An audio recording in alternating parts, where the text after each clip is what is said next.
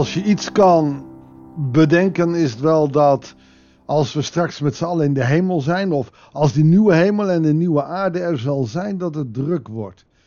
Alleen al de grote getallen die we tegenkomen in openbaringen laten dat al zien. Vandaar dat we nu doorgaan met openbaringen hoofdstuk 7, de versen 1 tot en met 17.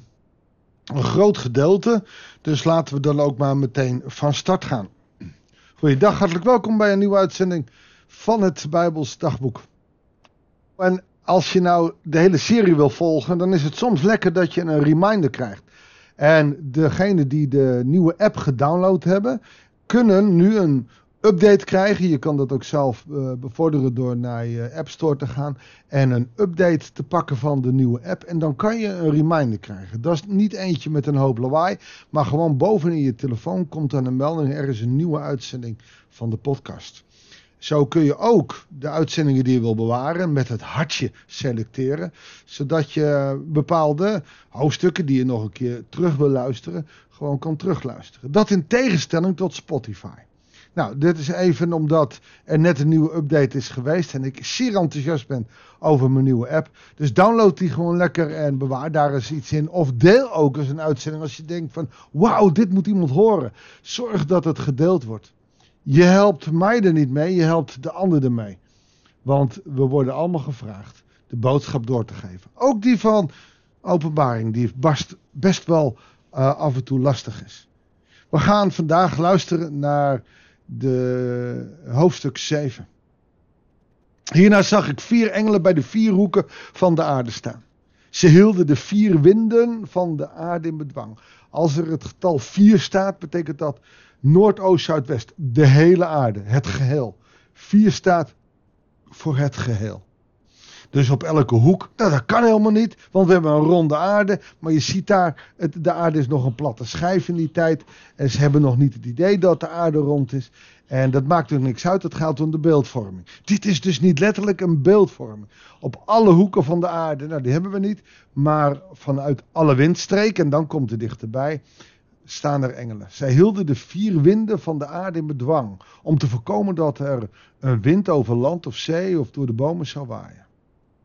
Ik zag in het oosten een andere engel opstijgen die het zegel van de levende God had. En de vier engelen die opdracht hadden gekregen om schade toe te brengen aan het land en de zee, riep hij met luide stem toe. Laat het land en de zee en ook de bomen nog ongemoeid. Eerst moeten wij het zegel van onze God op het voorhoofd van zijn dienaren aanbrengen. Wat zie je nou? Wat je ziet is dat er vanuit alle windstreken er een soort van ongeluk komt. Wat is dat ongeluk?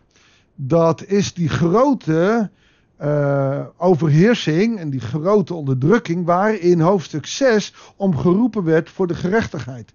Oftewel, er zal een enorme wind blazen en alle ongerechtigheid zal wegwaaien.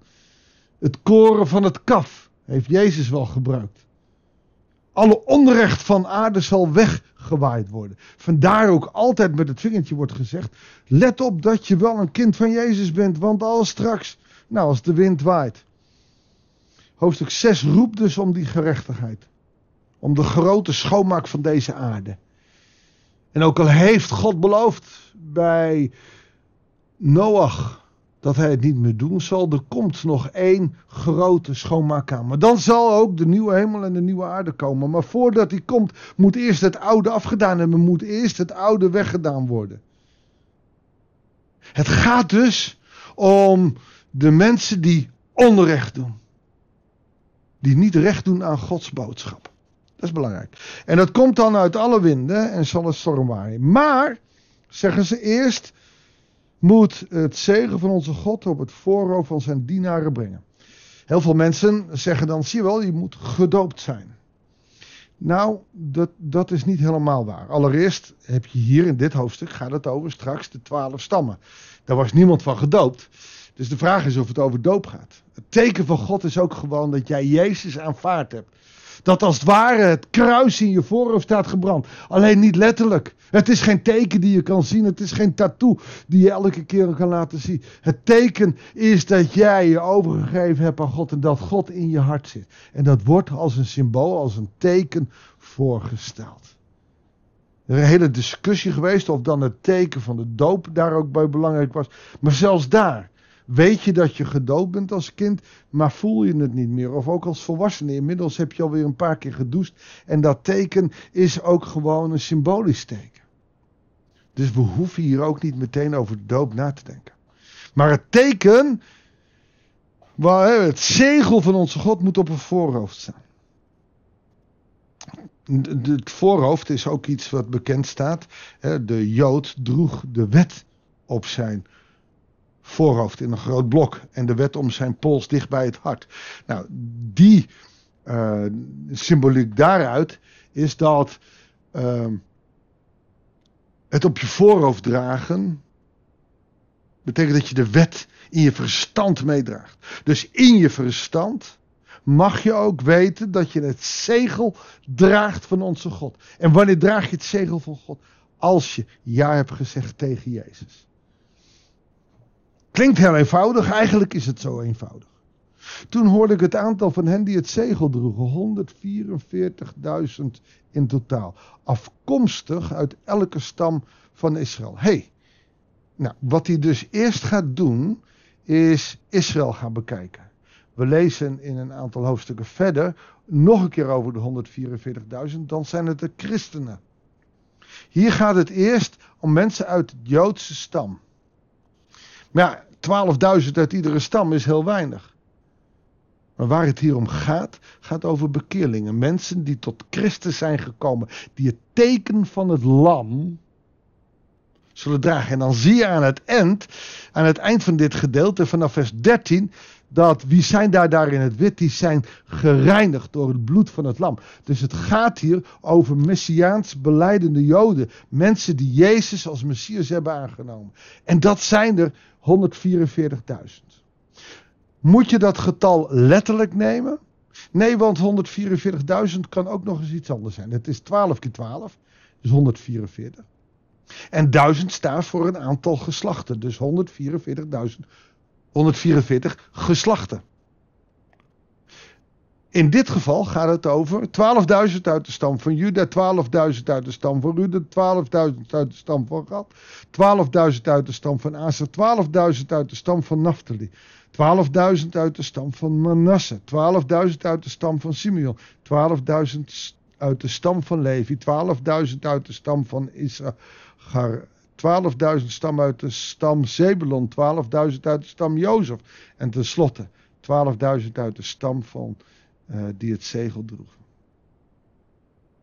Waarom 12.000? Dit is ook niet zomaar. Want 12 was een belangrijk iets. 12 stammen. 12 discipelen. 12 geeft iets aan als, als ook volledig. Denk maar aan de 12 uren in een dag in een klok. We hebben wel 24 uur, maar het is twee keer 12. We kennen 12 maanden. 12 is het hoogste getal als het gaat om de aanduiding hoe hard het waait. Het waait nooit harder dan 12. Ook in verhalen speelt het getal 12 vaak een, bijzondere rol. Algemene verhalen. De 12 ridders van de ronde taal van koning Arthur. Maar ook hier in openbaringen is het 12. Dus 12 stammen, de 12 discipelen. En nu de 144.000 bestaat uit 12 keer 12.000. 12.000 is dus 12 generaties. Oftewel, alle generaties die Christus aannemen. Dus dat gaat niet om een specifiek aantal. Maar 12.000 is als ware symbolisch van 12, alle duizend generaties. Alle generaties uit de stam van jullie die het zegel droegen. Dus die Jezus hebben aangenomen. Of het nou de doop is of besnijdenis, dat gaat er niet om dat je Jezus hebt aangenomen. En zo zie je dat het getal 144.000 gaat over de mensen die gered worden vanuit Israël, die de Messias beleiden. Dan nog zegt dat niks over de anderen, maar hier is een oproep dat ook uit het Oude Testament, zeg maar, het Oude Verbond, namelijk de Joden, de Messias zullen beleiden. En er, dat, dat wordt hier gezegd in het beeld. Geen getalmatig, dus maar 12 uit de stam, 12.000 uit de stam van Juda, want dan zouden er heel veel mensen sterven. Nee, 12 generaties die het zegel droegen. Dus dit is heel veel. Het heeft ook niks te maken met de 144.000 van Jehovah getuigen. Hierna zag ik een onafzienbare menigte die niemand kon tellen uit alle landen en alle volken, van alle stam en taal.